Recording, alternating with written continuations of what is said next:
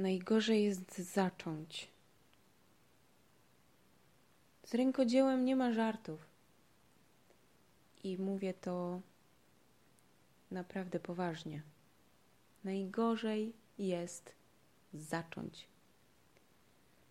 Bynajmniej nie myślę w tym momencie o rękodzielniczych bobasach, raczkujących dopiero wśród nowych okazji, nowych możliwości, nieświadomych jeszcze tak na dobrą sprawę tego, jakie niebezpieczeństwa czekają na nich, gdy tylko niefortunnie zechcą wspiąć się o ten jeden szczebelek wyżej. Choć oczywiście przyznaję, faktem jest, że im też najgorzej jest zacząć. Brak doświadczenia, brak materiałów, narzędzi, cierpliwości, zaufanego przewodnika to wszystko rodzi w świeżych kandydatach na miłośników ZPT frustrację, zniechęcenie, a czasem nawet tę myśl. Eee, na co mi to? Ta nieszczęsna, jedyna myśl. Być może jest świadectwem braku wytrwałości, choć zwykle braku wiary w siebie, albo tendencji do szybkiego odpuszczania, słomianego zapału. Osobiście jednak uważam, że ta właśnie myśl tak negatywnie oceniana, wbrew pozorom może być ich ostatnią deską ratunku, wybawieniem przed niewyobrażalnymi kłopotami. Skłamałabym, mówiąc, że nie żałuję, iż mnie taka myśl nie nawiedziła, chociaż właściwie to nawiedziła. Nawiedzała nie raz, nie dwa. I na początku nawet wzięłam ją sobie do serca, ale tylko na chwilę. A potem w nawiasie czytaj głupiutka i naiwna zaczęłam ją odganiać. Odganiać z całych sił, strasząc, szczując innymi myślami typu ale że ja nie dam rady?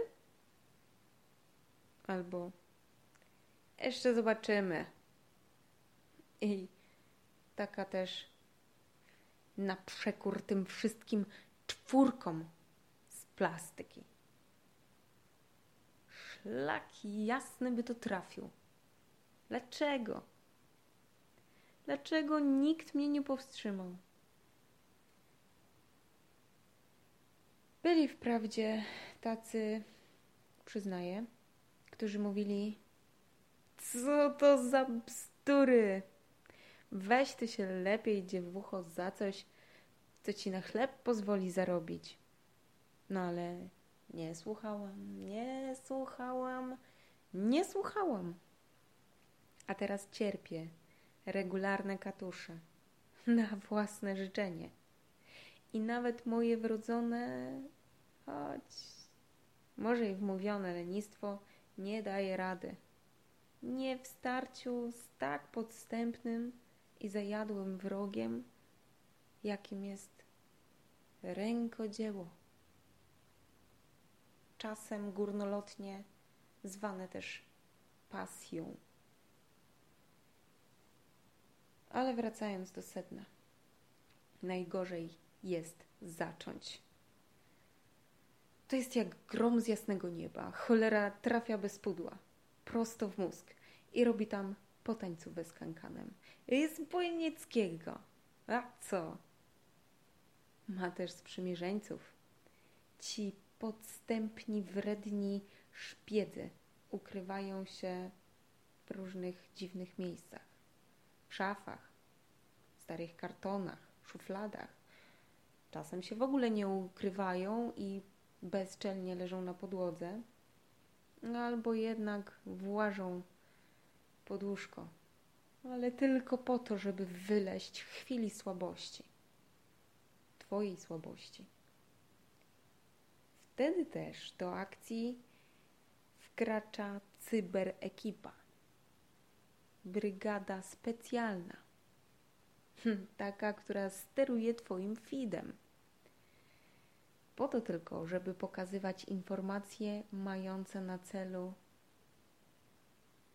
jedno: zmusić Cię do działania, dzieła, rękodzieła. I choć Ty mówisz, nie, nie mam teraz czasu, głowa mnie boli, dzieci są, albo może książkę bym poczytała, wizję jakąś fonię włączyła, odbity, podłogę mogę umyć.